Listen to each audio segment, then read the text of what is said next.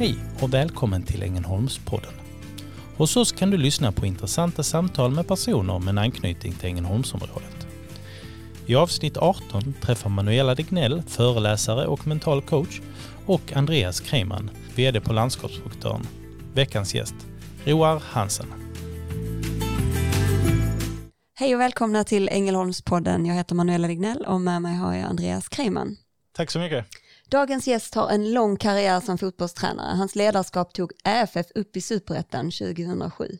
Och 2012 dansade han på planen när Öster gick obesegrade till sommaruppehåll.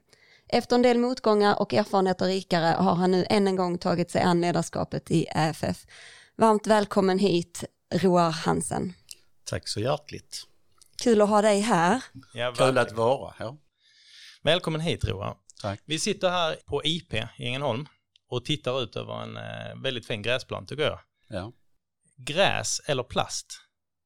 det behöver du inte fråga. Ja, bra, då är vi på samma plan i den frågan. Jag tänkte din, din son gillar väl gräs? Eh, Ja, han Andreas? eh, gillar gräsklippare. Gräsklippare var det ja. Mm. Men eh, Klok kille. fotboll ska spelas på gräs tycker jag. Är det så? Eh, Roar, jag tänkte det första, jag har ju tittat upp lite info om dig och så, det finns ju mycket om fotboll, men jag blev lite nyfiken på ditt namn, för jag tänkte det är inte sådär ursvenskt, så jag blev lite nyfiken. Var, var, var kommer namnet ifrån? Ja, Roar är ju då ett eh, norskt namn i detta fallet. Det kan också förekomma i Danmark. Och sen är det norskt, men det är inte ens en gång vanligt där. Så att det, det är... Det är ju, ehm, ja mina föräldrar, jag tycker om dem på många sätt men eh, när jag var yngre så är det klart att med våra R här nere i Skåne så är det ju ett jävla konstigt namn. så jag brukar faktiskt säga eh, när folk ifrån övriga Sverige säger mitt namn så säger de ju det bättre än vad jag själv kan säga. men eh, nej, det är, de är ju från Norge båda två så att det har det ursprunget. Men du är född här i Sverige, i Perstorp till och med. Perstorp till och med ja. De flyttade hit, eh, fick jobb på Perstorp AB 65. Och jag är ju född 66 i februari där så att eh, så dagens ljus på eh, Hässleholms BB som inte finns heller så jag är inte född här i Ängelholm. På det Finns det inte ens BB i Ängelholm längre? Nej det finns ju inte men Perstorp bodde föräldrarna i. Och där bodde ni ett tag innan ni flyttade till Klippan. Ja jag kommer inte ihåg faktiskt nu vilken, men jag tror det var fyra år eller något sånt jag flyttade till Klippan. Mm. Så bodde jag där till, eh, några år och sen 75 flyttade mamma och pappa i till och med, jag tror det var 9 augusti, dagarna innan jag skulle börja tredje klass. Så flyttade vi till Stidsvig. Det kommer jag ihåg fortfarande. Vad är det som gör att du kommer ihåg det? Ja, det var så, eh, det fanns ett eh, område, det hette Siabshusen, det var Siab, ett byggbolag som har gjort det. Och det var så många, så många barnfamiljer som flyttade in där samtidigt. Och det var ju från alla, det var till och med Helsingborgs familjer och så. Så att man förstod bara efter en dag att de flesta som var där var i samma situation. Alltså det var en massa nyinflyttade för dagen nästan. Så att det, det, var, det var spännande. Aha. Så vi var många som började på Stitzi skola som fanns då just den sommaren 75 som var nya elever. Så man var inte ensam, man var ny elev. Varken i klassen eller på hela skolan. Det kommer jag så jättetydligt. Var det lägenhetshus då? Nej, det var en sån klassisk en och en halv plans villa. Mm. Så, Så det var ett område de Ja, hade byggt? precis. ja. precis, de, precis. Typ alla det Södra Utmarken här bak är ju också ett sånt eh, Ja, 70-talsområde. och eh, ovanför um, På Mona? Pomona där. Mm. Typ ett sånt område. Fast Mm. lite mindre, inte så stort som Mm. Pomona, men typ de husen. Och skola gick du det i Stidsvig då? Det fanns en eh, första till sjätte klass gick man i eh, Stidsviks skola. 100 elever ungefär. Och sen när man började sjuan fick man åka in till Stora Klippan. Stora Mm. Klippan. Hur var det att växa upp i Stidsvig då? Ja, eftersom jag har bott där i princip hela mitt liv så jag säger fortfarande, det, man bor centralt. Mm. Men man måste ha bil. Det finns ju ingenting mer än eh, vacker natur, skog och så. Sen så bor man centralt. Jag brukar säga 10 minuter till Klippan, 11 till Örkelljunga, 12 till Åstorp, 18 till Ängelholm, 22 till eh, Helsingborg. Så Stidsvig ligger väldigt centralt vid F- F4. Men Mm. man är ju jätteberoende av bil. Men det är lugnt och fint. Och gillar man natur så är det ett bra ställe att bo. Är där skola fortfarande?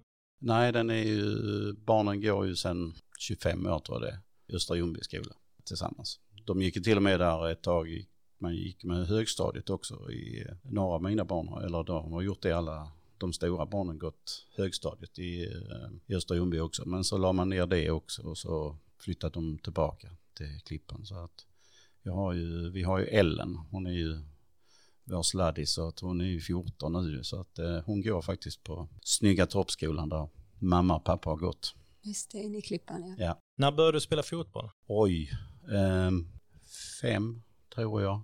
Så jag säger det att jag har väl varit i fotbollens tjänst i 50 år nu då. Jag var nog fem och sen så ville jag spela i KBF, hette det ju Klippan. Men jag var för liten. Alltså, jag fick inte vara med för att jag var för ung. Mm. Och då bodde vi, hade jag sån tur så att vi bodde i lägenheten in till gamla HD-journalisten Lars-Erik Braun, den cyklande journalisten. Och han var eh, ordförande och ungdomstränare i Tvärby IF, lokalklubben i eh, Klippan. Så då sa han bara, klart pojken ska spela fotboll. Så att han, eh, han blev min tränare, jag fick följa med.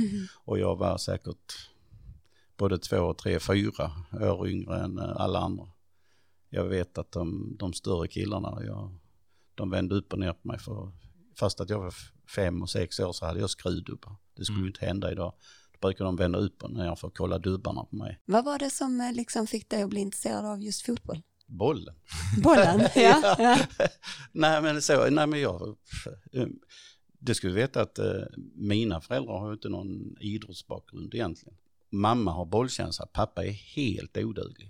Han har åkt lång, långskridskor och hoppat backe som norska och åkt skidor som norska barn gör. Men jag har ju sett att mamma, eh, hon kan jonglera och lite så, så någon slags bollkänsla har jag fått av henne då. Men, eh, nej men jag tror det var så enkelt att man, man spelar fotboll helt enkelt. Jag bodde på badvägen ju.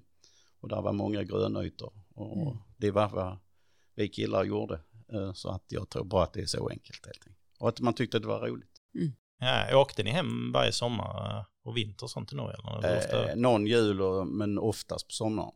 Men när jag var 16 år då sa jag faktiskt till mina föräldrar att det var sista gången. Och det blev faktiskt sista gången jag åkte med dem. ja. Pratar du norska också? Eh, nej, inte nu längre. Eh, när jag var yngre kunde jag slå om på, om jag var där i tre veckor så kunde jag slå om lite grann. Men, så.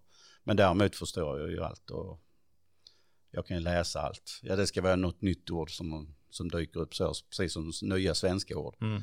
Eh, så att jag har ju inga problem och därför har jag inte något problem med danska heller. Jag är, inge, jag är inte så jävla bra på språk egentligen, varken eller någon av de andra, men just de här nordiska språken så jag har väl någon fördel av att man är skåning och svensk och sen har norskt och sen liksom jätteenkelt för danska också faktiskt. Vi kommer in på din karriär som tränare sen, men du har aldrig varit nära att gå till Norge till exempel? Jo. Jaha. Mm. Ja, det kan vi kanske ta sen. Haugesund. Jag har faktiskt eh, ett kontraktsförslag jag, från Haugesund då, som jag var där. Men Mats Johansson ville ha kvar mig i Ängelholm så det blev inte. Mm. Du Så valde det- att stanna här. Men då, Mm. sen har det varit lite kontakter, men den gången var det faktiskt ganska nära. Jag tänkte som fotbollsspelare, du spelade fotboll när du var liten. Var det, det var liksom redan när du var liten en tanke om tränarskap eller var det, var det egentligen fotbollsspelare du ville bli eller hur, hur tänkte Ja, du? men all, alla små killar eh, drömmer att man ska bli landslagsspelare eller eh, proffs eller något sånt. Men det hände faktiskt en, en grej för något år sedan. Jag har eh, en tjejkompis som är, hon tre år äldre än mig. Hon städar sin eh, källare. Och då har man ju sån här vänbok, eller hur? Som man skriver med intresse och så. Och det här vet inte jag om förrän jag såg den för något år sedan. För då, tar hon, då skick, tog hon foto på den och skickade på min telefon. Och vad du favoritfärg blå. Och vad vill du bli när du blir större? Då hade jag skrivit polis och brandman. Det säger väl killar också så. Men så står det fotboll, kommer en annan fråga, så skriver jag fotbollsproffs. Men så har jag skrivit ett tillägg och detta är alltså sommaren 77. och Jag är född 66. Då har jag skrivit att jag ska bli landslagstränare i fotboll. Mm. Wow. Ja, men Som tänk du, 11-åring. ja, och du kanske sände ut den signalen redan då. Ja, men jag var ju inte medveten om att jag hade skrivit det. Jag bara, att, oj, okej, var kom det ifrån? Så att, eh, men sen samtidigt, jag vet inte, eh, ska jag vara Jag brukar ju säga att eh, Stitzig är ju mitt första tränarjobb då i division 6. Men om jag ska vara riktigt ärlig så har jag haft två tränarjobb innan dess. För när jag spelade fotboll i Kvidinge själv, då tränade jag min lilla systers flicklag i fotboll i Stitzig. Mm. Och syrran är ju sex år yngre än mig. Så att, och de var jag på fotbollscup och sånt med i Danmark. Och, så här. och sen har jag varit pingistränare också. Och när, när jag var 12 så tränade jag 7-8-åringarna i pingis hemma i Stitzig. Så att jag vet inte, det är väl någonting. Du har haft det lite kanske på känn hela tiden utan att veta om det. Nej, jag har ju inte haft det på känn. Det har ju bara, det har bara blivit så på något vänster. Men du har varit en ledare egentligen hela tiden då kanske? Jag har aldrig, egentligen inte tänkt på det när jag var yngre givetvis. Men sen så när man har fått vissa roller så har man ju förstått det. Har du varit lagkapten eller sånt när du spelade? Ja, det har jag också varit. Och suttit i skola i i skolan. Mm. Mm. Vilken position spelar du på när du... Alltså när jag var riktigt ung så då var jag ju mer så spelande playmaker på centralt mittfält. Men sen var jag ju ganska snabb så att mycket, när jag blev lite äldre så blev det ju anfallare eller yttermittfältare. Jag tänkte förutom eh, fotboll då när du växte upp, vad var det för andra intressen som tog din tid? Fotboll, fotboll Och fotboll? och fotboll. Nej, när vi flyttade dit, jag sa ju det att vi var många barn. Och vi hade faktiskt något som hette Stidsviks sportklubb. Och vi var ett gäng killar, för det är många barn där. Och då startade vi en egen klubb och då höll vi på med andra idrotter. Så vi spelade innebandy, eller eh, landhockey, hette det på den tiden ju. Mm. Och sen hade vi eh, inte Tour de France utan vi hade Tour de Stitzig, vi hade cykeltävlingar. Och så hade vi sån, som tävlingar som gick både individuellt och i lag. Vi hade pingisturneringar och så. Så att det var mycket idrott ju. Men lite olika sorters idrott också. Lite olika sorters idrott. Tror du att det är en viktig del igen? Idag blir det ju att man egentligen drillar många, många unga till att bli elitsatsande på en sport tidigt. Ja, det är ju, det är ju den eviga frågan. Mm. Men det är ju så att vårt samhälle har egentligen utvecklats till det. De som är äldre än mig också, de pratar ju ännu mer om spontant idrott. Mm. Men alltså det jag höll på med från jag var kanske nio till jag var 12 år, vad vi höll på med på fritid och fast att vi spelade fotboll och gjorde vi allt det andra. Det skulle ju dagens barn undra om man var, va? Varför gjorde ni det ungefär? Jag menar jag har fyra barn själv så jag kan ju bara jämföra med dem. Så att eh, jag vet inte. Utbudet idag det är så specialiserat. Men det är ju egentligen, det är ju inte barnens fel utan det är ju kanske vuxenvärlden och så som samhället har utvecklats. Att varje sport och varje klubb driver ju sin eget intresse. Så Mm. att det, även om det finns individer som skulle vilja så blir de ju lite hindrade emellanåt också för olika regelverk och olika sporter är, Jag, tänker vet, på sig själv liksom. jag spelar innebandy i Strövestorp och vi hade ju många hockeyspelare som kom och spelade till oss med Mm. oss en viss period. Men så fort hockeyn började igen så försvann alla de, vilket blev också en ganska konstig... De var med och tränade ett tag och, och började liksom. Mm. Och sen så bara, nej nu sticker vi. Och så var man av. De var ju ofta väldigt duktiga. På något sätt så tror jag att det är lite synd att man inte provar mer sporter egentligen. För att man vet ju kanske inte exakt i den åldern vilket man är, man är jättebra på. Bara för att man har börjat med en sport tidigt så är det inte det som kanske man har den supertalangen för. Nej, eh, jag ser bara på min egen son som spelar fotboll nu och, och så. Men han, jag tyckte han var en jättetalang i hockey. Mm. Men eh, han hade väl inte det rätta drivet, eh, måste jag väl kanske erkänna. Men på något sätt så spelar han hockey för att det var roligt. Och när det inte blev riktigt roligt och det var massa, man inte fick hålla på med fotboll till exempel. Mm. Då tröttnade han ju på hockeyn. För han tyckte ju ändå att eh, liksom, fotboll också var roligt. Men då kan man ju säga, då hade han ju inte drivet till att bli en riktigt duktig hockeyspelare. Men det som fick han att sluta med hockeyn var ju egentligen att han inte fick hålla på med fotboll på sommaren. Men nu när vi ändå är inne på det här med lite elitsatsning och alltså så tidigt, vad, vad är din, vad är din ehm, dina tankar och reflektioner kring det här att man mycket tidigare går in och har de här kanske hårda reglerna och elitsatsar, vilket gör att man kanske också tappar en hel del ungdomar som mognar lite senare eller som, som kanske som, som din son då tröttnar för att man inte får göra det här roliga samtidigt. Vad, vad är din reflektion där? Vad tycker du? Jag vet inte riktigt om jag på något sätt. Jag vill inte... Vi har ju de frågorna själv i vår egen klubb eftersom vi driver en akademi. Då är det ju ändå så att i vår akademi så helt plötsligt har vi också lite krav och lite... Eh, att det blir lite prestation och så. Så att eh, man ska inte heller sitta och ha åsikter om andra om man kanske inte riktigt själv eh, kan stå upp för det. Men jag märker nu ändå när vi har i vår akademi, eh, denna säsongen har vi faktiskt ett breddlag i 15 års, vilket det inte har hänt på rätt länge i Ängelholm. Så, så att varje sport får nog tänka och hitta någon väg. Men det är också så här att någonstans så är, är det ju en elitsatsning om man är en elitförening. Så jag menar Rögle är en elitförening, spelar i, om vi tar dem, de spelar i elitserien. Eller SHL som det heter. Mm. Och det är klart att någonstans måste de ju dra gränsen där de kör på.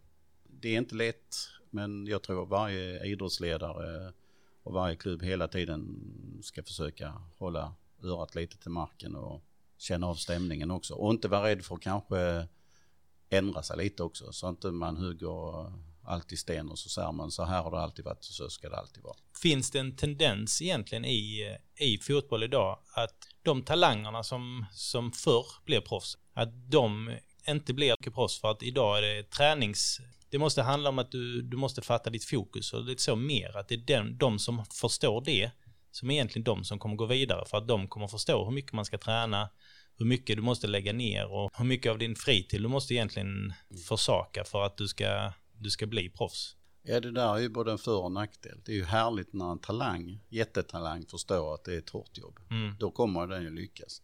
Men det är samtidigt lika härligt tycker jag, de som kanske har inte så stor talang, men de har eh, grit eller uh, något mm. modord eller ett stort jäkla anamma och förstår det att man kan ta sig, fast att man inte är den största talangen kan man ta sig väldigt långt. Så att det är ju både och det, tycker jag.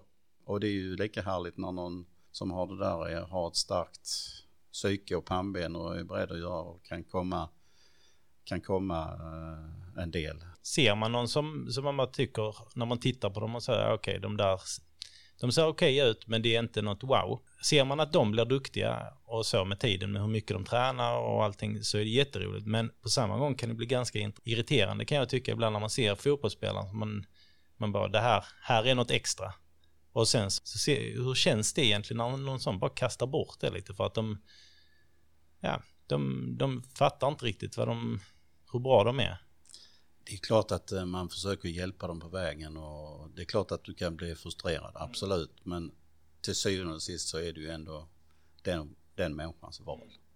Jag har ju ändå, om jag tar Emil Kraft till exempel i Öster, så har han ju liksom, han är ju spelar i Premier League. Mm. Visst, han spelar inte varenda, varenda match kan folk säga, men han kommer för lilla Ljungby och verkligen tagit liksom sin mentalitet, har han tagit den vägen. Sen är klart han har en viss talang, men han är ju inte supertalangen. Och sen har jag ju en kille som kommer utifrån eh, där, Erik Martinsson, som spelar som ganska ung i, i eh, Rögle och hade var inte den största talangen så som Rögle hade. Och sen lämnade han och sa han har vunnit SM-guld med, eh, med Växjö och varit i Nordamerika, varit i Schweiz och så. Och då kan jag ju glädjas att där var ju en kille som verkligen också la ner hela sin själ i sitt ishockeyande. Så min son och hans lillebror är lika gamla så följde jag ju, har ju följt hans karriär eh, när han var barn. Mm. Och jag vet hur engagerad han var och så och besviken ibland när han inte så. Men ändå liksom. Han har ändå SM-guld på sin meritlista och tjänat pengar och, och är en, mitt uppe i sin karriär. Och det är fantastiskt att se de killarna och tjejerna som lyckas med på det viset också. Alltså den är ju ganska viktig att ha för att om det inte går och lyckas med en mindre talang så kanske det kan bli många som hade känt så här, varför ska jag fortsätta? Mm. Utan de är ju egentligen de viktigaste, de som klarar komma till Premier League till exempel från ja. att gett jävla namn från början. Så att, eh, nej, det är spännande att eh, olika individer kan lyckas på olika sätt. Ja. Eller misslyckas för den sakens skull. Precis. Roa, jag tänkte på eh, när vi pratades vid lite innan vi började spela in här mm. så nämnde du att du följde ändå dina föräldrars fotspår och eh, började jobba i fabrik och 18 år jobbade du där. Mm. Um, men samtidigt var du väldigt engagerad utanför. Ja, eftersom jag, Jag slutade som fotbollsspelare eh, vid ung ålder. Jag skulle bli pappa så jag skulle egentligen bara ta ett sabbatsår. Men eh, lite olika omständigheter så hade jag helt plötsligt sagt ja till att bli tränare hemma i Stitzi. Till de alltså killarna som jag spelade i pojklaget med. Det var till och med några äldre som när jag gjorde A-lagsdebut som 14-åring, de spelar kvar. Och eh, vad ska man säga, det blev av en slump. Och eh, sen har det gått vidare och jag jobbar, jag jobbar i fabrik på eh, Extraco hette det, Gelita heter det idag. Och mina arbetskollegor var nog trötta på mig emellanåt för de brukar säga att du är Sveriges enda heltidsanställda division 6-tränare. Så att det är klart att jag engagerar mig i mitt jobb men det var ju inte det jag var intresserad av egentligen. Det var ju fotbollen. Mm. När tog du beslutet att lämna, lämna fabriksgolvet och gå all in på, på fotbollstränarkarriären? Jag körde hem i bilen från, eh, vad blir det, 2003. Eh, sitter i bilen, eh, tränar Högeborg då. Då hade Issa Manglind, sportchef i Landskrona, hört av sig på min mobilsvar. Men jag trodde inte att det var han. Jag hade aldrig pratat med honom så att jag, jag blev misstänksam om någon jiddrar med mig. Så att jag eh, det och kollade. Ja, så gick det numret till eh, Pilkington och sånt glas. För han jobbade där. Men det stämde ju. Så att vi träffades ju sen. Och sen blev det ju Landskrona. Och sen var jag tjänstledig första året. Och då var du assisterande tränare i Landskrona? Ja, det var jag. Jag vet inte om vi ska börja följa karriären lite mer kanske egentligen. För att det, du har gjort några flyttar redan innan här som är ganska intressanta tycker jag. Okej. Du är Stidsvig först. Ja. Och då div division 6. Ja. Var det division 6 båda åren? Tre år. Då har jag missat något där. Men 93 går du till Klippan. Ja. Då är de i division 6, var du innan. Hur kom det sig att du gick till division 4 direkt därefter? Nej men det var inte, jag blev inte eh, eh, huvudtränare i Klippan först. Så de Ja, okej. två första åren var jag faktiskt lite så här, lite den rollen jag har här idag eh, också. Nu är jag lite akademichef här, då var jag, blev jag ungdomsansvarig. Mm. Och så tränade jag 15 och 16-åringar själv. Det var faktiskt eh, Tommy Gyxa Gustafsson, eh, legenden från Landskrona Boys som tränar A-laget då. Och det, Gyxa är ju Jens Gustafssons pappa. Mhm. Så han tränar ju dem. Eh, sen skulle han sluta efter mina första två år. Så då fick jag frågan att bli division 4-tränare i Klippan. Och då kan ni tänka er det jag berättade innan att den klubben som jag inte fick vara med i som femåring, helt plötsligt var jag tränare. Kom jag dit och var ungdomstränare och sen var jag A-lagstränare. Och det kan jag säga det var för en eh, kille som är uppväxt i Stitzy, gått till skolan på Snyggatorp så var det ju, det var ju världens uppdrag. ja, då tyckte jag helt plötsligt, oh shit, jag har kommit någonstans. Ja. Men det var, det var bra. I Klippan gick det ganska bra. 95 placering 8, 96 placering 2 i fyran och då gick ni upp till division Kvalade vi upp. Ja. Mm. Och sen gick du direkt på en tredjeplats i, i, i division 3. Mm. Och så vann vi DM också. Mm. Och vi vann eh, en gammal klassisk NST-cupen också. Är på meritlistan. Den är jag stolt över. Det finns ju många tillfällen i din tränarkarriär då du verkligen har fått ett lag att lyfta och till och med flytta uppåt. Vad är det med din, liksom, vad är det hos dig som gör att du lyckas så bra som fotbollstränare? Ja men det finns ju inte något färdigt recept egentligen och det är faktiskt bara så här att jag får, försöker bara förmedla eh, min egen kärlek till sporten som jag har haft sedan jag var fem år. Och sen att jag tycker väldigt, väldigt mycket om att umgås med människor. Eh, social person. Och i det så älskar jag också att sätta upp mål och så få en grupp att gå dit. Alltså det är ju den största tillfredsställelsen och har varit hela tiden egentligen. Börjar du med målbild och sånt tidigt egentligen i din karriär? Eller det är något som du har lärt dig efterhand? Att man, På vilket sätt menar du? Nej men till exempel när du var i, i, eh, i Sidsvig de första åren, satte ni upp en målbild då också? Eller det är något som har kommit efterhand? Att du, Det har man ju lärt sig efterhand också. Man gick tränarutbildningar Mm. och givetvis har man förstått det efter ett tag. Men någonstans är det ju härligt att vinna också. mm. Ja, Men det är ju just det här att få ett lag och in, alltså få ett lag och många individer. Alla individer är ju olika. Och um, i början av karriären så tänkte man ju att man ska behandla alla lika. Men det kan man ju inte. Det har inte jag gjort med mina fyra barn. Så varför skulle jag lyckas att behandla exakt alla i ett fotbollslag lika? De är ju de är ju totalt olika. Men det är ju att forma dem till att de värderingar eller det är en spelidé eller ett regelverk och så, och få så många som möjligt att köpa det och jobba efter det. Mm. Det är ju det som är härligt. Ja. Eh, sen kan man inte behandla alla lika, det går inte. Det är, om man sätter det som krav på sig själv som ledare, då kommer du, då kommer du ta koll på dig själv tror jag.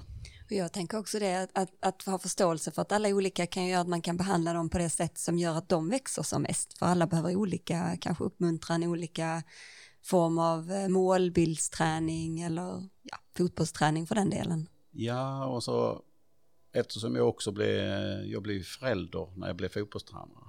Och det var ju helt nytt, men jag har ju också förstått att när man blir förälder att vi kan ju ha vissa regler i familjer, det har vi ju alla. Men man kommer ju på när man har syskon att de är ju olika. Mm. Och då har jag ju också, det har ju stärkt min i, i det andra att men, har vi 24 killar eller tjejer, de är ju inte exakt samma. De har ju inte samma förutsättningar i talangmässigt, de har olika bakgrund.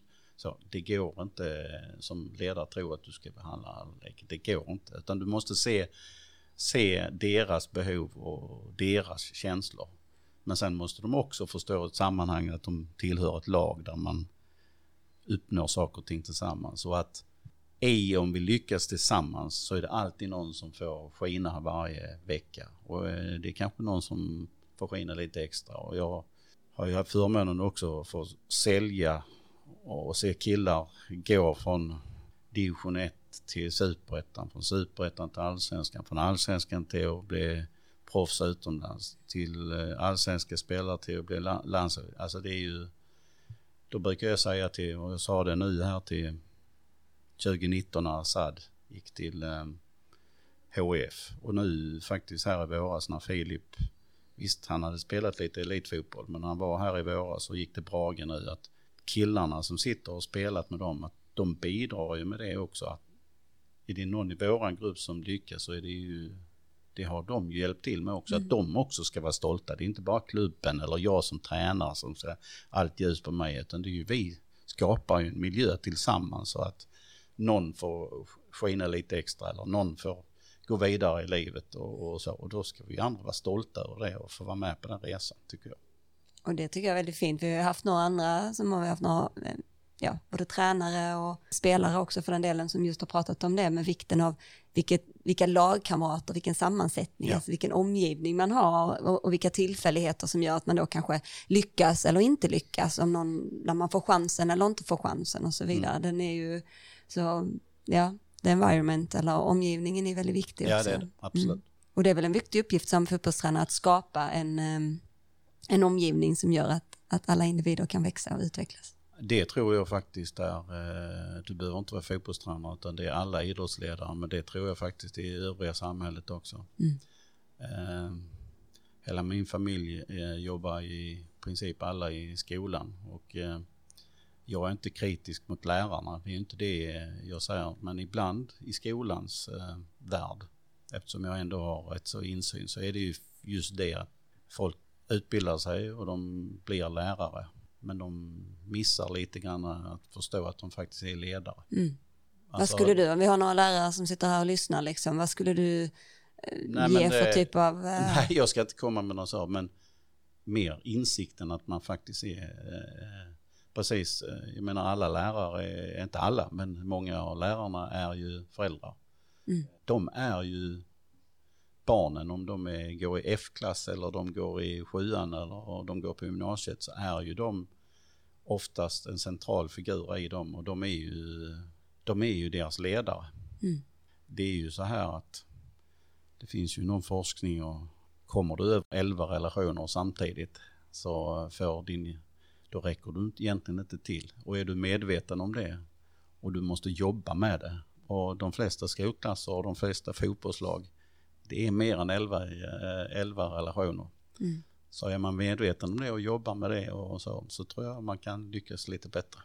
Så skulle jag komma med ett tips så då säger jag bara att vara medveten om det mm. och förstå mm. att man är ledare. Att förstå, utan att vara kritisk. För jag menar jag, den bästa läraren jag hade, eh, som jag kommer ihåg, han hette Ulf Sjöberg, han hade jag på i sjuan, åttan nian och var klassförståndare där och han, han ledde oss utan att liksom komma med pekpinnar. Han skapade en bra miljö bland oss elever och han skapade en bra miljö i, i så. Så att vi, ja det blev bara intressant. Han hade oss i alla SO-ämnena och först att folk tyckte det var tråkigt så gjorde han, han var ledare i om, omklädningsrummet men i klassrummet och gjorde så att folk lyssnade. Så faktiskt var det så, och det har vi ju pratat i vuxen ålder om det att följde man med på hans lektioner för att han gjorde dem intressanta, han var ledare och så. Så på den tiden så var det betyg tre, det var i medel i varje fall. Va? Hade man följt med det lovar jag nästan att alla eleverna hade betyg tre i varje fall mm. på provet. Så ja. han var en stark ledare. Det har jag också kommit på i efterhand. Liksom. Jag tänkte inte på det då, men jag har tänkt på det i efterhand. Jag tänkte på det du sa att dina gamla kollegor sa att du var heltidsanställd eh, fotbollstränare i division 6. Mm. För att det var ett så stort engagemang och du har mm. pratat både om engagemang och om passion eller kärleken till det man gör. Mm. Det kan vara bra, bra sammanfattning på just eh, ledare. Ja, jag tror att det är ju någon slags nyckel i alla fall. Eh, sen är det ju inte någonting som man har ett recept på. Jag kan ju inte tala om det utan det på något sätt uppstår det eller så finns det där. Och så jobbar du med det tror jag. Mm. Och vi sitter ju här i Ängelholm på mm. IP då och här mm. hände det ju faktiskt någonting 2007. Eh, ja, det gjorde Vill du dela med dig? Eh, vad ska vi säga? Eh, jag kom hit 2006 och då var vi topplag med lite äldre spelare. För detta proffs och allting så och det gick ganska bra. Eh, och sen så tappade vi lite i slutet och sen inför 2007 så gjorde vi en jättegenerationsväxling. Och eh, det året var ju det, eh, det gick upp två lag från division 1 till superettan. Och det var ju vår lycka för vi blev tvåa och gick upp. Eh, så att eh, när vi fick ett, eh, ett lag som var duktiga, en, en grupp som jobbar stenhårt för varandra och som har många talangfulla spelare, men de var ganska unga. Emil Samuelsson, Per Hansson, Marcus Holgersson, hur många som helst och vi hittade vi hittade en bra balans och ett jättedriv i den, eh, i den gruppen. Mattias Adelstam, jag kan nämna dem allihopa. Liksom.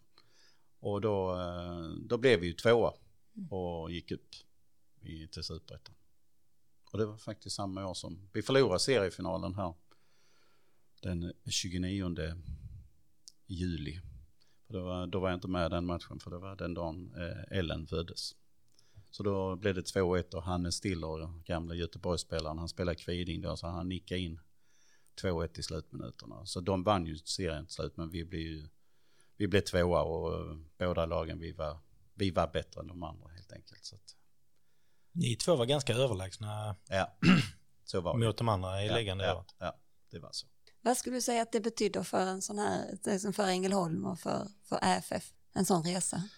Nu kanske jag trampar på någon öm tå, men alltså EFF eh, bildades 76, eller hur?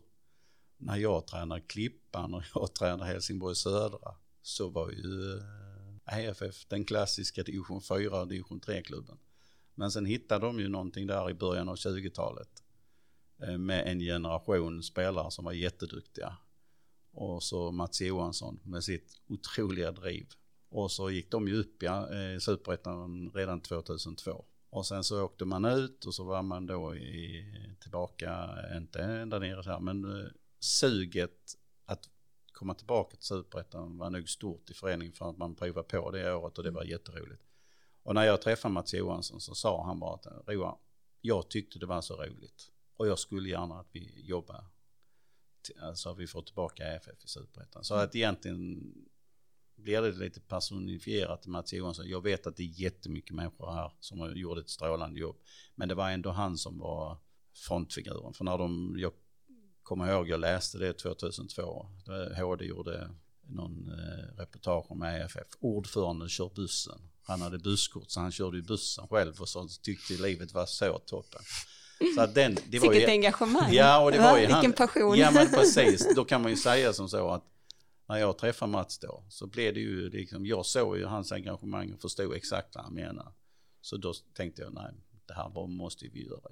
Mm. Och så lyckades vi. Mm. Det var ju extra roligt mm. och, för alla.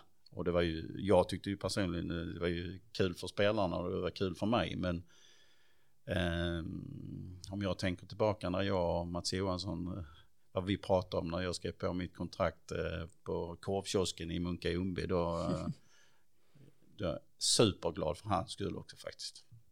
För vi gjorde det han drömde om egentligen. Mm. Var det det året som Mattias gjorde många mål? När ni gick upp? Eller var det året efter?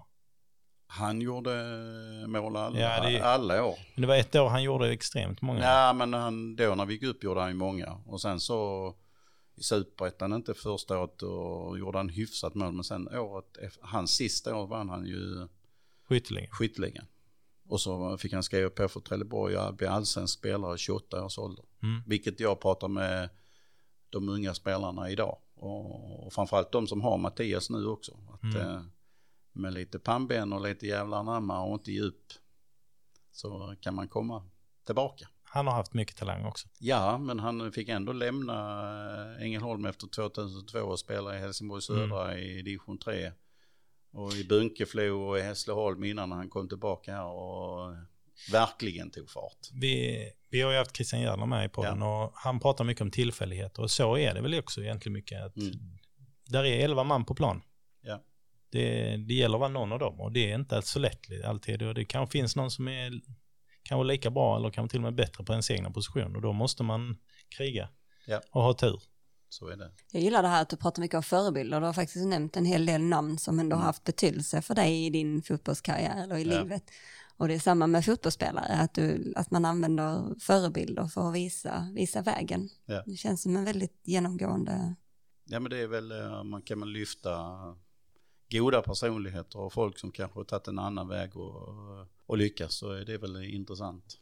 Så att det inte det blir ett tunnelseende och smalt seende utan öppna ögonen för folk att de har man misslyckats man en gång så kan man hoppa upp på hästen en gång till och prova. Bara för att någon säger att, eh, jag menar det, det är ju inte alla spelare som tycker jag har varit den bästa. Det, är, det finns ju spelare som har lyckats, eh, kanske inte lyckats när de har haft mig, men sen när jag har försvunnit eller någonting så har de lyckats. Så är det ju. Det så är det ju i idrottens värld framför allt. Jag tänker, jobbar ni någonting med, alltså jag tänker i idrottens värld så är det ju också tufft emellanåt. Mm. Finns det, liksom jobbar man med att stärka de här barn och ungdomarna när det då blir motgångar eller när det inte blir, liksom när man, när man, när man misslyckas med någonting man har tänkt. Eh, Har ni liksom någon, någon plan där på hur man stärker just i, i motgångar? Och jobbar ni aktivt med det? Man kan ju säga att man, alla klubbar har ju en plan för någonting. Och så varje idrottsledare försöker jobba så gott det går. Handen på hjärtat så är det ju så att även om vi sätter upp planer och vi ska göra det så, så är vi inte mer än människor. Så att så länge vi gör fler rätt än fel säger jag. För vi är inte perfekta och jag är inte perfekt. Så att, eh, men visst finns det planer men jag säger så här, det viktigaste är att vara medmänniska också om det är ett barn eller en vuxen och så, så spelar det ingen roll. Du kan ha en roll och sånt. Men någon gång måste du kasta bort titeln också och bara vara medmänniska. För det är jag till med mina spelare ibland att jag säger hej, nu pratar vi om en annan sak. Nu är jag inte din tränare. För det har ju klart ändrats för mig också. När jag, ett tag kunde jag ju träna sp- spelare som var ungefär lika gamla som mig. Till att jag var något år äldre den, eftersom jag har varit med ett tag nu och så nu är jag 55. Jag har vuxna barn. Så det är klart att mitt omklädningsrum idag, sen Björn Westerblad försvann 2019, så kan jag idag i princip vara förälder till alla. Det är Johan Oremo liksom som är eh, kanske lite stolpe in på honom, men alltså i princip kan jag ju vara förälder till alla mina spelare idag. Och äh, ärlighetens namn så jag har en 14-åring och några av dem är kanske 17 så att jag menar min äldsta är 32 så att det är klart att i mitt tränarskap och ledarskap så är det klart att jag har en annan ingångsvinkel också med, som har med generationen att göra. Mm. Så ibland kan jag ju faktiskt sätta spelaren och säga hej, lyssna nu på mig. Nu pratar jag inte som din fotbollstränare, nu är jag bara ditt vuxen en vuxen. Jag skulle kunna vara din förälder, men nu är jag ett vuxenstöd. Ska vi prata om den här grejen istället? Som kanske inte har med fotboll att göra. Och det tror jag kanske att det är bra. Jag känner det att man kan nå dem på ett annat sätt också. Eh, sen kan de ju tänka att eh, den gamle gubben och den gamle tränaren, han är knäpp eller något sånt. Men Om man ändå försöker sätta dem ner och titta dem i ögonen och prata med dem och att man vill dem väl och försöker hjälpa dem. Så tror jag att det kan gå ganska bra i alla fall. Och jag brukar säga som så att de kanske inte tyckte att jag var den bästa fotbollstränaren men eh, åtminstone att de kände att jag respekterar dem och, mm. som människa. För det, det är viktigt. Du berättade innan vi började inspelningen här så berättade att du var en hybrid av dina båda föräldrar. Och jag tyckte det var en väldigt fin beskrivning och jag tänkte kan du inte dela med dig vad det är du har tagit med dig från dina föräldrar? För jag kan tycka att det du tog med dig därifrån det speglar ganska mycket ditt ledarskap. Ja men de flyttar ju, de flyttar ifrån sin släkt eh, som två unga människor och de hade bara varandra. Eh, sen är de ju två eh, individer som har jobbat som vanliga arbetare. Eh, sen är de som personer så är mamma pratar hela tiden och bryr sig om de flesta och liksom är en social kompetent. Inte för att pappa är osocial men jämfört med mamma så är han inte det. Sen är ju pappa mer så här att han är ju det han är intresserad av eh, så läser han och han är glad för att diskutera för att mm. han har varit i poli, kommunalpolitiker i i Klippan också så han är ganska stark när han har en över, övertygelse. Så därför brukar jag tänka på det, hur är de som, vad har jag blivit? Och då känner jag liksom, jag har nog blivit en hybrid av det. Man har fått lite av varje. Mm. halvhyfsad mix i varje fall. så att det någonstans, men, ja. Eh, men att jag får väl säga det har begåvats med två ganska kloka föräldrar. Mm. Det är inte alla barn som har den lyxen, men jag har haft det. Under din karriär så har du fått göra lite utbildning också. När, eh, när gjorde du ditt provutbildning? Ja, det gjorde jag som 32-åring redan 98. Ja, det gjorde du väldigt tidigt. Ja, och var säkert inte en av de sämsta som har gått på prov. Eh, så. Men jag hade andra talanger så Skåne trodde på mig så att jag, därför fick jag gå det 98 redan. Efter Ängelholm mm. så eh, kom du till en riktig storklubb, eh, historiskt sett kanske i alla fall. Ja. Det är ju en av Sveriges bästa klubbar på Ja, vi nu pratar men... lite eh, liksom att HIF spelar ju inte i allsvenskan när, eh, när jag växte upp. Vi är ju några generationer där som inte upplevde det när vi växte upp. Men Öster var ju en av dem och det var ju mycket Öster, Malmö FF kommer jag ihåg i alla fall. Och de tog ju SM-guld och spelade i Europa och så här. Så att eh, jag fick förmånen att bli tränare i Öster. Och det var en fantastisk tid och eh, det är klart att första gången man kliver in på Östers eh, kansli, jag vet inte om det är riktigt så fortfarande, men då var det. Det första man möts av eh, är en bild på lagkapten Tommy Svensson och han då möter dem i Europacupen Barcelona och det är Johan Cruyff, en av mina barndomsidoler. Han står och skakar tass med att byta flagga eller en sån vimpel med. Mm. Då förstår man att eh, man har kommit till en klubb som har en fin historia. Så redan första intrycket kommer innanför dörren så är det ju så. Eh, första året när du var i Öster så kom ni fyra i Superettan. Ja. Och nästa år så vinner ni Superettan. Ja. Och då får du ett erbjudande till till att byta till en annan klubb. ja, först vill jag ju så Öster det var ju det året som eh, Jocke tog, eh, efter mig tog Ängelholm till, till eh, allsvensk kval då. Mm. Och det var ju spännande att se sina gamla spelare med ny tränare och ny energi efter fem år så liksom var jag färdig med det. Men parallellt så, nu kan jag berätta, så många säger, ja men det, du skulle varit kvar, ja men de kanske inte hade gått till kval med mig som tränare för vi, jag hade ju varit där fem år och många spelare, samma röst och det blev, det blev jättebra för Ängelholm och det blev jättebra för mig för att jag fick byta miljö och komma till en annan klubb. Och Öster hade ju kvalat sig kvar i Superettan året innan. Och vi, blev, vi slog Åtvidaberg i sista matchen och i sista omgången eh, blev vi fyra. Det var vår bästa placering. Och den festen efteråt, säsongsavslutning, då var faktiskt min fru med. Hon brukar inte vara speciellt ofta med. Då sa hon faktiskt ja, alltså Roa, sa hon på morgonen efter, jag är helt fascinerad att man kan vara så glada som ni var för en fjärde plats. Hur ska, hur ska, det, hur ska det bli om ni skulle gå upp? Och då fick jag ju uppleva det året efter och det var ju eh, fantastiskt. Och, det, och, och, det, det och min fru var med på den festen också. Och då sa hon, ja, men frågan är om inte fjärdeplatsen förra året, den, var, den kändes mer spontan och från hjärtat. Eh, så. För när ni gick upp, då hade ni lett så länge så då var det mycket av den här pressen också så att man såg att folk sa. Så hon hade något att jämföra med, med, med lite utanförsperspektiv.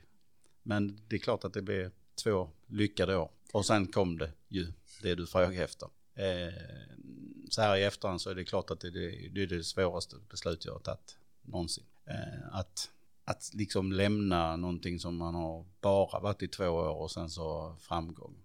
Men sen samtidigt så, man kan inte ta bort sina rötter. Eh, och det, på något sätt blir det ju det som blev beslutet ändå. Att jag förstod att Helsingborg eh, verkligen ville att jag skulle bli tränare. Och det blev ett femårskontrakt och det var eh, hej och hå. Och det var jättesvårt mm. eh, att, säga, att säga nej det vill jag Men eh, nej, sagt och gjort, det blev, då blev det Helsingborg istället. Och då kommer ni femma första året va? Eh, ja, efter att ha lett där eh, ett tag så dalar ju lite på hösten ja. Jag måste bara få fråga, hur kändes det liksom när du uppväxt här, bor kvar, bott i Stidsvig och liksom får träna då HIF som ändå kanske har varit en... En oerhört stolthet och en oerhört spännande. Men sen samtidigt lite naiv. Mm. Eller inte mer än lite naiv kan jag säga. För att eh, sen när jag slutade efter två säsonger då så om vi säger saker är 24-7 då kan jag säga att HIF var 24-7. Jag underskattar, jag borde ha insett det, säger jag till mig själv efteråt, men det var verkligen så för att mina grannar i det området där jag bor är alla HIF-are. Det fanns en AIK och en Malmö. Sen alla andra var så. Så att i princip när man gick ut och hämtade posten så var det HIF. Åkte man till Eriks i Östra Ljungby så var det HIF. Var man på idrottsplatsen hemma i Stitzis så var det HIF. Var man någon annanstans så var det verkligen HIF. Eh, så att jag måste säga att jag underskattar det. Det borde jag ha fattat, men jag gjorde inte det. det mm, det finns uppsidor på saker och ting men det finns också en eh, baksida och det kanske var baksida för att det, det, blev, det blev rätt så påfrestande faktiskt. Och mm. framförallt när det då, eh, eftersom HF hade varit så med SM-guld och allting och förväntningarna var fortfarande så stora så om man inte kanske i folks ögon infriar det så det är klart att det, till sist vändes det till rätt mycket negativt. Mm. Så att, eh, men alltså min relation till Helsingborg och HF är, är fortfarande bra jag har sett HF eh, i division 2 förlora mot Hittarp. Så att så är det ju bara. Så, mm. att det, det, det, så är fotbollen också. Det som händer, det händer.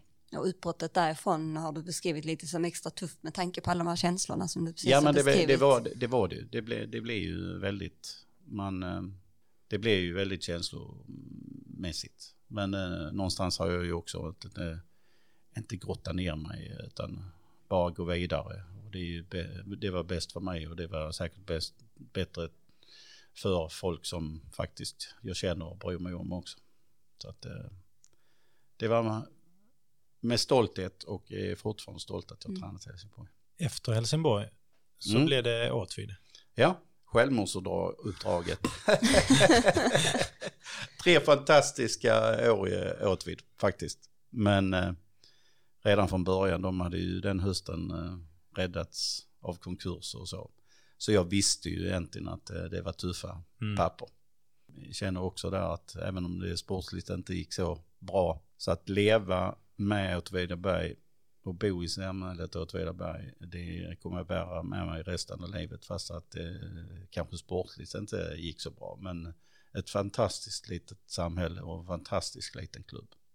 Ibland så kanske de tar det lite för givet tycker jag att de ska vara med i elitfotboll. Men jag brukar säga det till folk här nere att det är precis som att säga att Perstorps PSG ska vara i superettan eller allsvenskan. För Åtvidaberg som kommun och är samma som Perstorp.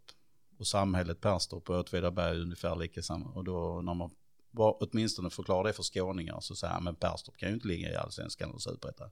Nej, just det. Så om man, man sätter lite olika saker i perspektiv. Sen finns det ju en jättehistoria Åtvidaberg. Så att eh, jag förstår ju det. Man förstår det känslomässiga. Så är hur, det. hur var pressen egentligen från de som bodde i Åtvidaberg? Om du jämför med hur pressen var när du var i HF. Var det fortfarande så eller de var glada liksom? Nej men det var press men inte... Inte samma? Nej, inte nej. samma. Inte, det, det går inte ens att jämföra. Det går inte att jämföra ens. Och då blev du i två år? Ja. Och sen, Tre år. Ja, och sen blev det Värnamo efter det? Ja. Men det var också första gången du provade på särboskap, berättade du innan. ja, det blev ju eftersom jag och hustrun har känt varandra sedan vi var nio år. Vi har gått samma klass från trean till nian och sen så blev vi, fattade vi att vi tyckte om varandra när vi i gymnasiet då helt plötsligt. Så det är klart att eh, jag och Kristel vi har en lång historia ihop. Alltså det är klart att helt plötsligt var vi särbo i nästan, nästan tre år så att det, eh, det var ju en ny upplevelse.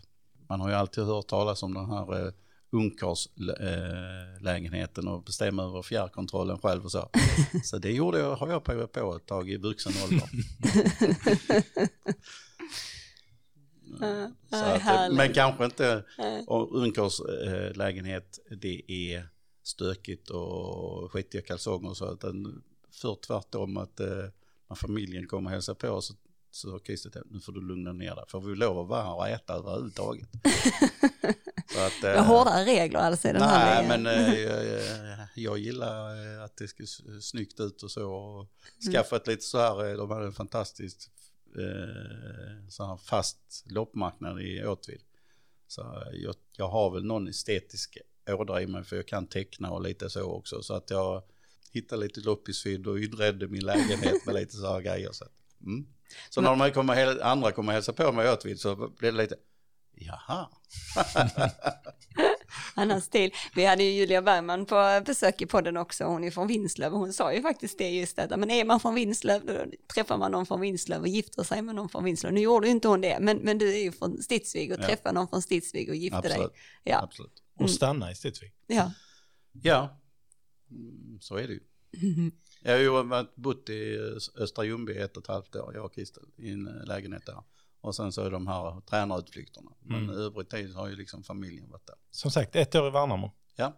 Och sen tillbaka till Ängelholm. Ja, hade faktiskt pratat med Ängelholm eh, innan Värnamo där. Det var jättenära Ängelholm egentligen. Mm. Så blev det Värnamo. Och så, ja, så åkte vi ut där och det är ju inte så att en tränare är kvar i en klubb som åker ut. Då börjar med om. Men då hörde faktiskt Ängelholm av sig ganska snabbt. Alltså och då tog vi upp samtalet där vi egentligen har hållit på med det ett år tidigare. Så att, eh, och då var väl idén lite tydligare också från Ängelholms sida. Så att jag bara känner, nej men det passar mitt liv. Eh, inte för att jag har blivit lat eller något, att jag inte tror att jag skulle kunna vara tränare, men projektet Ängelholm och de tankarna man eh, presenterar och bygga det här. Det låter ju i andras öron kan vara lite provocerande, men de, det finns ju ändå någon sån Mats Johansson dröm mm. om superettan igen. Mm. Men att man ska göra det på ett balanserat sätt, både lokalt och med en kontrollerad ekonomi och så. Och då pratade de om den nya arenan och så. Och då sa jag bara, det här är, vi kör. Och så får jag se om jag är med hela resan eller jag bara är med och tillför det jag kan eh, på resans gång. Liksom. Så mm. får någon annan ta över så småningom. Va? Men eh, jag känner ju starkt för klubben för jag har en stark historia i den givetvis. Mm. Så att, eh, och det har varit eh, jätteroligt. Och ska jag då säga redan 2019 när jag höll på där på våren så fick jag en aha-upplevelse. För att jag, då kom jag på lite att det var ju detta jag började med. Att mm. Vara fotbollstränare. Mm. För det är klart när du är elitfotbollen så är det mycket annat också. Det är ju fotboll mycket men det är mycket sidan om också. Och det är du inte på samma vis här i AFF utan här koncentrerar du rätt mycket på fotbollen att vara fotbollstränare fullt ut. Och det, det var faktiskt en härlig känsla och det tycker jag fortfarande. Du är inte bara tränare i Ängelholm heller? Nej det är jag ju inte. Det är, det är klart att jag agerar som sportchef också. För det gjorde jag i Åtvidaberg också. Mm så så det är klart att jag har skaffat, på, skaffat erfarenheter på resans gång och sålt spelare och byggt trupper och så. Så det är klart att med hjälp, mycket hjälp av eh, Stefan framförallt och kanske Peter och styrelsen, det är klart att jag kan bidra.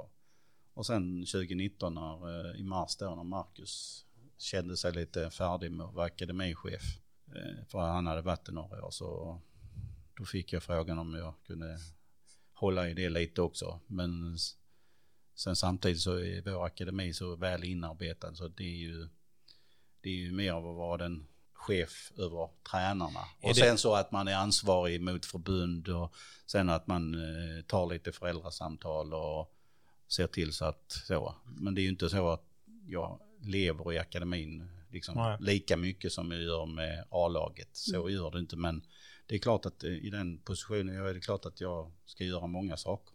Fast blir det inte rätt så positivt egentligen att du är en länk eh, mellan akademin och A-laget? Du ser vilka spelare som, ja men de här, den här typen av spelare har vi på gång. Mm. Då bör man kanske inte lägga, då är det kanske inte den vi måste köpa in. Nej, Den, det översikten måste ju vara ganska bra egentligen. det finns säkert någon som tycker att ja, men han skulle fly- flyttat ut ännu flera. Mm.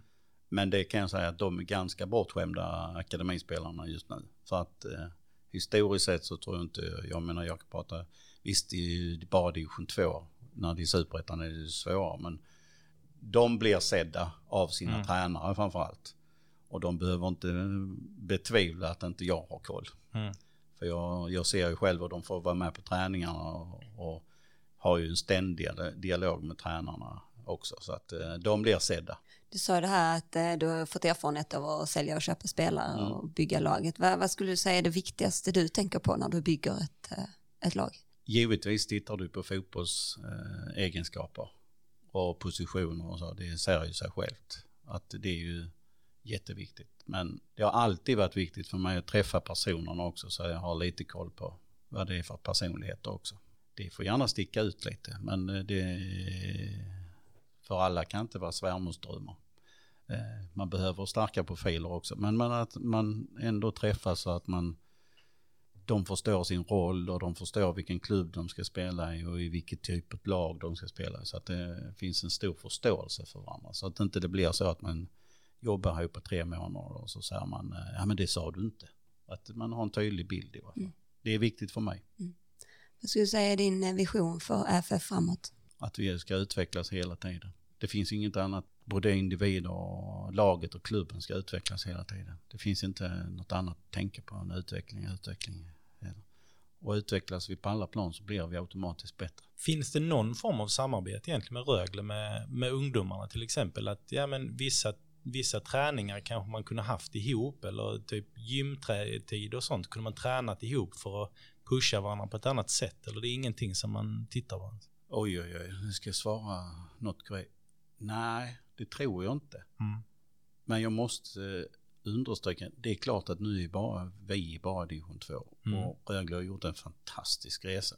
Och liksom, de är så mycket större än AFF idag så att det finns liksom inte någon konkurrens. Och det har egentligen aldrig funnits. För Rögle är Rögle och det är en annan sport och det är så starkt varumärke.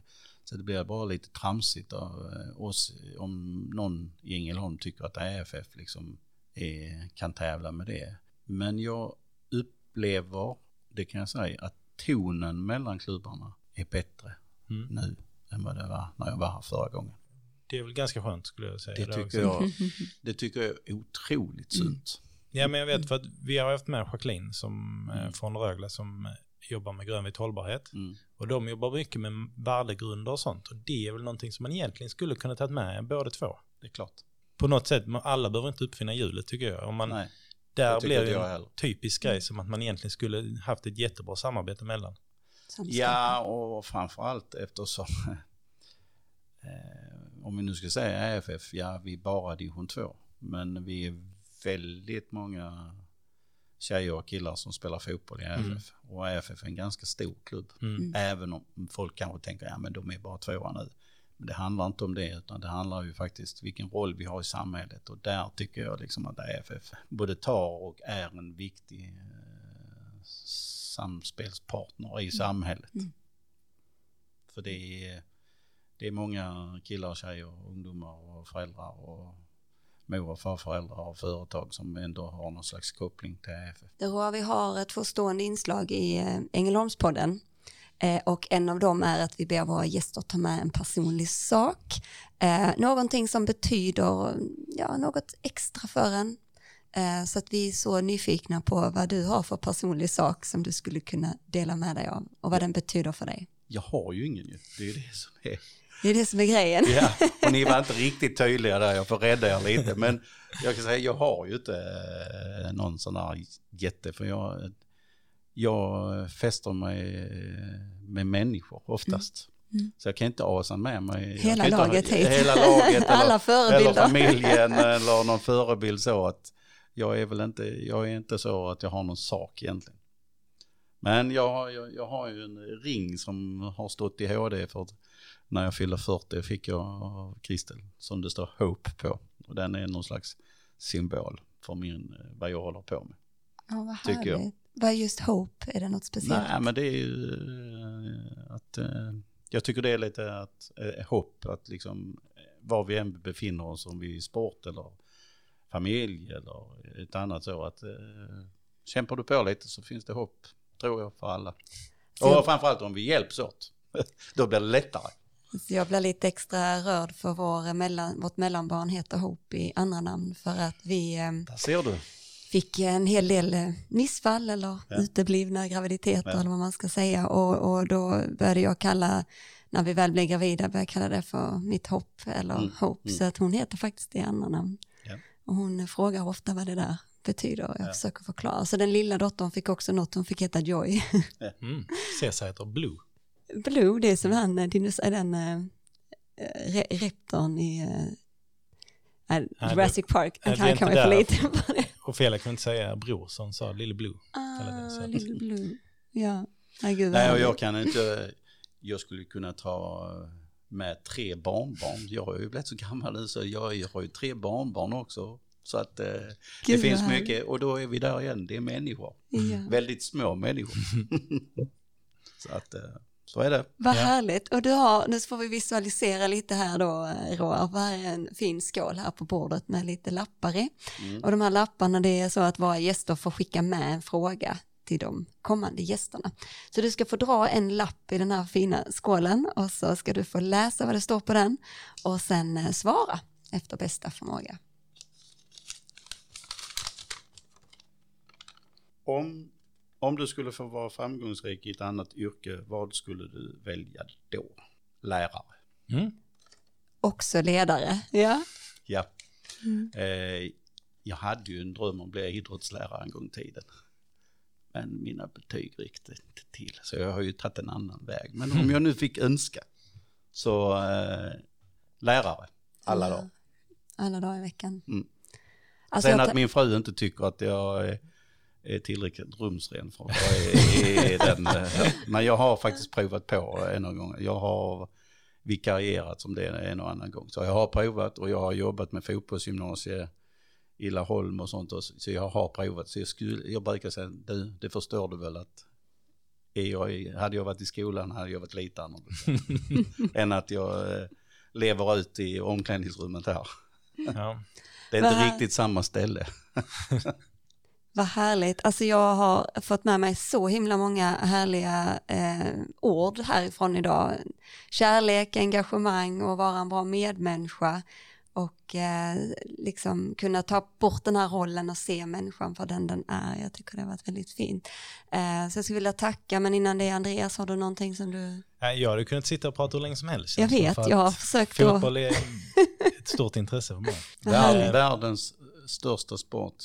Mm. Sen får alla säga vad de vill så, men det är världens största sport och framförallt är den, den lille mannens sport. Mm. Och jag hoppas att även om det, liksom, de största stjärnorna tjänar För mycket pengar. för mycket pengar, men det så är det i all toppidrott så Mm. är det för den lille mannen blir det för mycket pengar. Men fotbollen är världens största sport och det är den lille mannens sport. Mm. Och det hoppas jag att den kommer bli. Alltid. Hoppas Annars, anna- annars är vi, usch, då, usch, det får ont i magen bara jag tänker på det annars. Ja, vi är också för eh, medlemsklubbar. Kan jag bara säga i den här podden. Andreas, har du nu någon mer fråga inom fotboll innan vi tackar så mycket för Eh, detta Nej, samtalet? jag är väl ganska nöjd. Du känner dig nöjd. Eh, Roa, tusen tack för att vi fick lov att eh, träffa dig i Ängelholmspodden och prata med dig. Nöjet var helt på min sida. Tack så mycket. Tack. Tack. Tack för att du lyssnade på oss och följ oss gärna på sociala medier såsom Instagram, Facebook eller LinkedIn. Där heter vi Ängelholmspodden med E. Där kommer vi lägga upp bilder från avsnitten och nyheter om kommande gäster. Har ni tips på gäster eller andra frågor, skicka dem gärna till info Vi skulle vilja skicka ett stort tack till Fredrik Larsson som lånar ut sin låt Världen är din till oss. Låten finns att lyssna på på Spotify. och till Pierre Boman som har gjort vår logga. Eftermiddagen är så lång. Kaféet är nästan tomt Och jag är lugnet själv.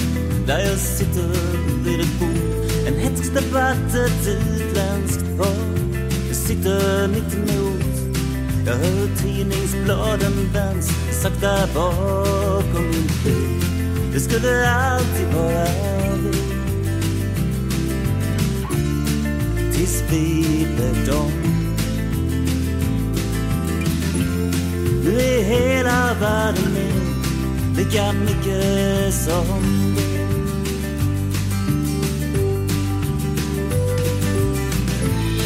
Och en livstid passerar ett andetag långt En klocka tickar ner, en man stänger sin dörr Och jag läser några rader tyst för mig själv en biografi och Felicia Fält Hennes livsresa med Att i skuggan av sin mor Där i den mörkaste botten låg den vackraste tön Nu är hela världen